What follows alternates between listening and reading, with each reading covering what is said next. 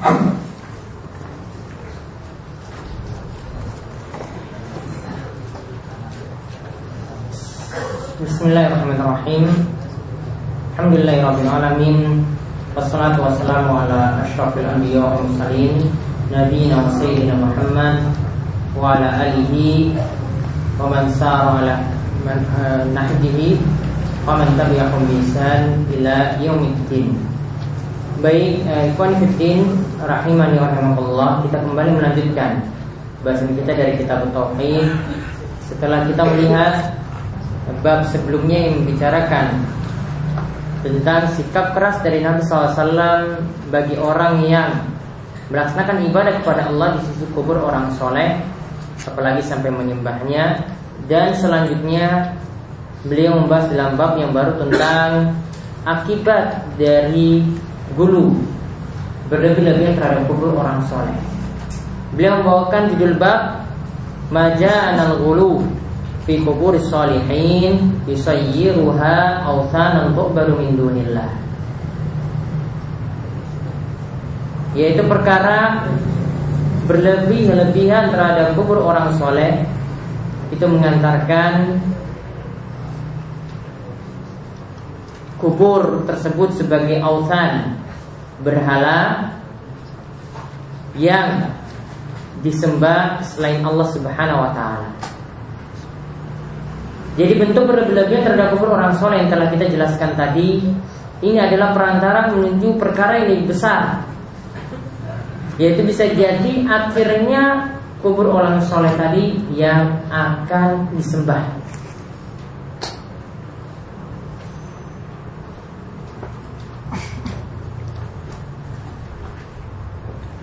Jadi maksud dalam bab ini adalah bahwa berlebih-lebihan terhadap kubur itu sebagai wasilah ila syirik. Ini sebagai perantara menuju kesyirikan. Di mana kesyirikan ini adalah lawan dari tauhid.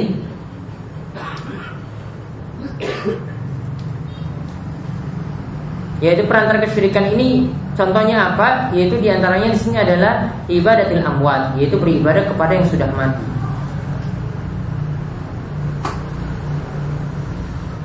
Baik kita lihat langsung hadis yang dibawakan oleh beliau yaitu ada riwayat dari Imam Malik dalam kitabnya Al-Muwatta yaitu Malik bin Anas rahimahullah beliau membawakan dalam kitabnya Al-Muwatta sabda Rasulullah sallallahu alaihi wasallam yaitu Nabi SAW pernah berdoa Allahumma la taj'al qabri wathanan yu'bad Ya Allah jangan jadikan kuburku sebagai berhala yang disembah Wasanad itu maknanya adalah al-ma'bud allazi la surata. Sesembahan yang tidak memiliki bentuk. Seperti yang tidak memiliki surah maksudnya bentuk tampak wajah. Seperti kubur. Itu tidak ada bentuknya. Tidak ada bentuk manusianya, tidak ada bentuk makhluknya. Ya, pohon, tiang, batu, dan seterusnya. Ya Allah, la taj'al qabri wasanan yu'bad. Janganlah jadikan kuburku sebagai berhala yang disembah. Ishtadda ghadabullah ala qaumin ittaqadu kubur anbiya'ihim masajid. Sesungguhnya Allah itu begitu murka pada kaum yang menjadikan kubur kubur nabi mereka sebagai masjid.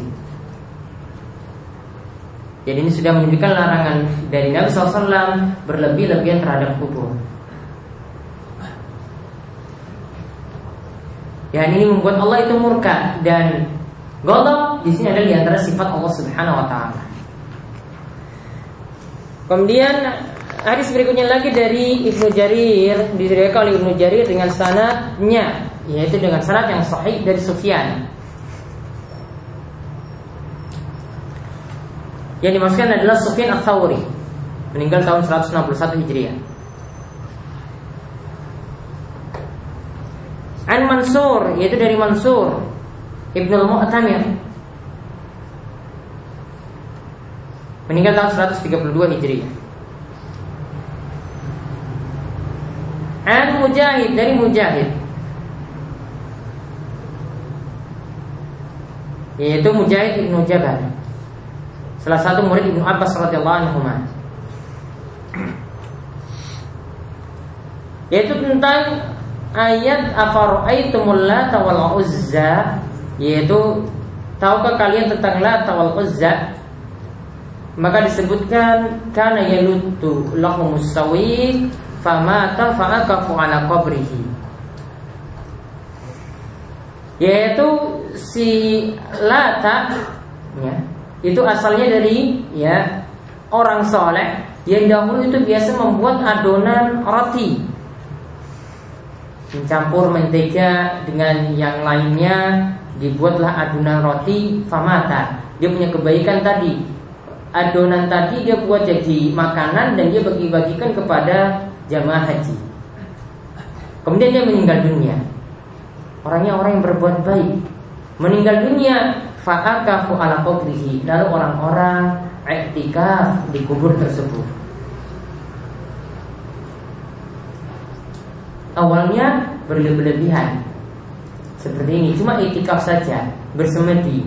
Di si kubur tersebut akhirnya disembah. Kemudian wakada qala Abul Jauza, begitu juga Abul Jauza.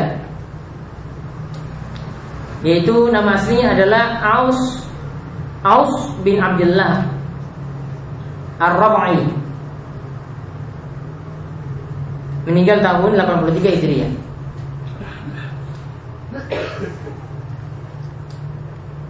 Yaitu dari Ibnu Abbas radhiyallahu anhu ia berkata, "Kana yanutus sawiq lil hajj." Bahwasanya si Lata tadi ini adalah orang sore yang biasa membuat adonan roti dan dia bagi-bagikan bagi-bagikan kepada jamaah haji, kepada orang yang berhaji. Begitu juga Ibnu Abbas mengatakan, Ibnu Abbas radhiyallahu anhu itu mengatakan, la'ana Rasulullah SAW zairatul kubur wal muntaqidina 'alaiha al-masajid was suruja. Rasulullah SAW itu melaknat wanita yang menziarahi kubur. Wanita yang menziarahi kubur. Kemudian Nabi SAW juga melaknat orang yang menjadikan kubur sebagai masjid. Orang yang menjadikan kubur sebagai masjid. Wal muttaqidina suruja dan orang yang menjadikan kubur diberikan penerang lentera atau lampu. Ya surut ini lampu. Jadi kuburannya diberi lampu-lampu penerang. Hadis ini diriwayatkan oleh penulis kitab Sunan.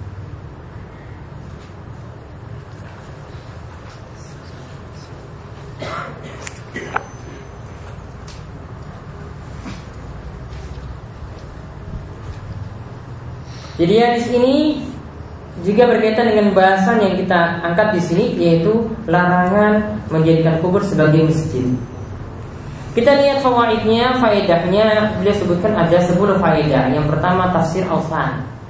Tentang tafsiran Ausan tadi sudah disebutkan. Kemudian yang kedua tafsir ibadah. Apa yang dimaksudkan dengan ibadah?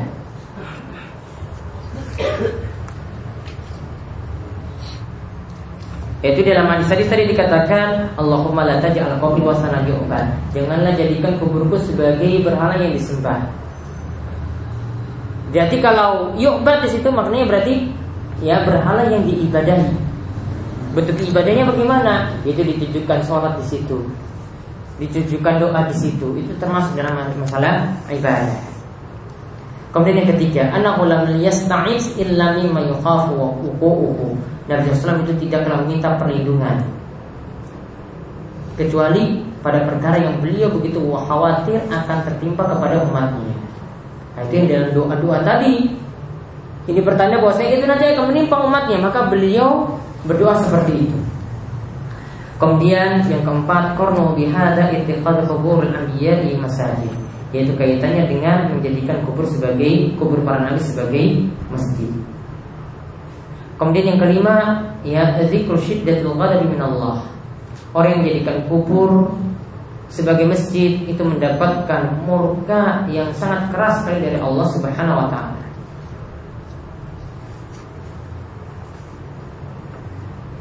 Kemudian yang keenam Lata ini kita bahas tentang Lata. Tadi disebutkan tentang sifat. Ya Lata tadi adalah dia sebagai berhala atau autan yang paling besar. Artinya yang paling diagungkan. Dan dulunya itu dia adalah orang soleh. Ya kemudian diagungkan ya di itikaf di kuburnya. Kemudian akhirnya lama kelamaan kuburnya itu disembah.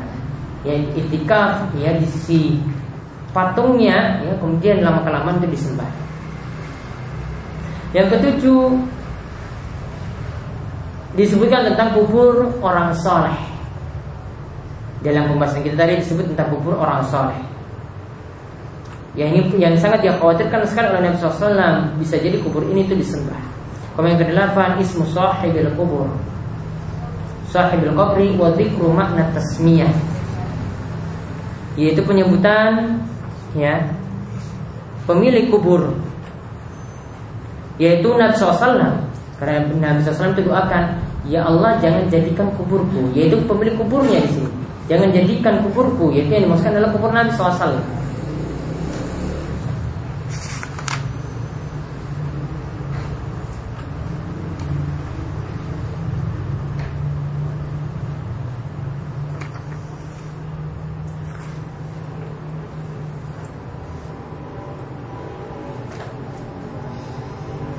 Kemudian yang ke sembilan Laknu muzawwaratul kubur Yaitu terletaknya para wanita yang menziarahi kubur.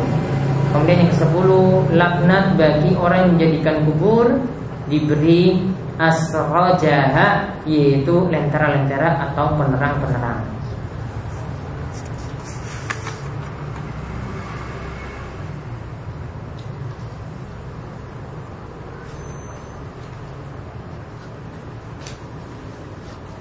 Nah, inilah yang kita bahas pada kali ini. Insya Allah pada pertemuan berikut masih seputar yang kita bahas tadi tentang kubur orang soleh. Ya, pada pertemuan berikutnya bagaimana usaha keras Nabi SAW supaya umatnya tidak terjerumus dalam syirik dan nanti kita akan bahas juga tentang ya sebagian umat ini ada yang menyembah berhala. Masih kaitannya dengan berlebih kelebihan terhadap orang soleh. Demikian yang kita bahas, mudah-mudahan bermanfaat. Dan Allah Subhanahu wa taala memberikan kita keistiqomahan dalam ilmu dan terus ya beramal kepada Allah Subhanahu wa taala dengan ikhlas.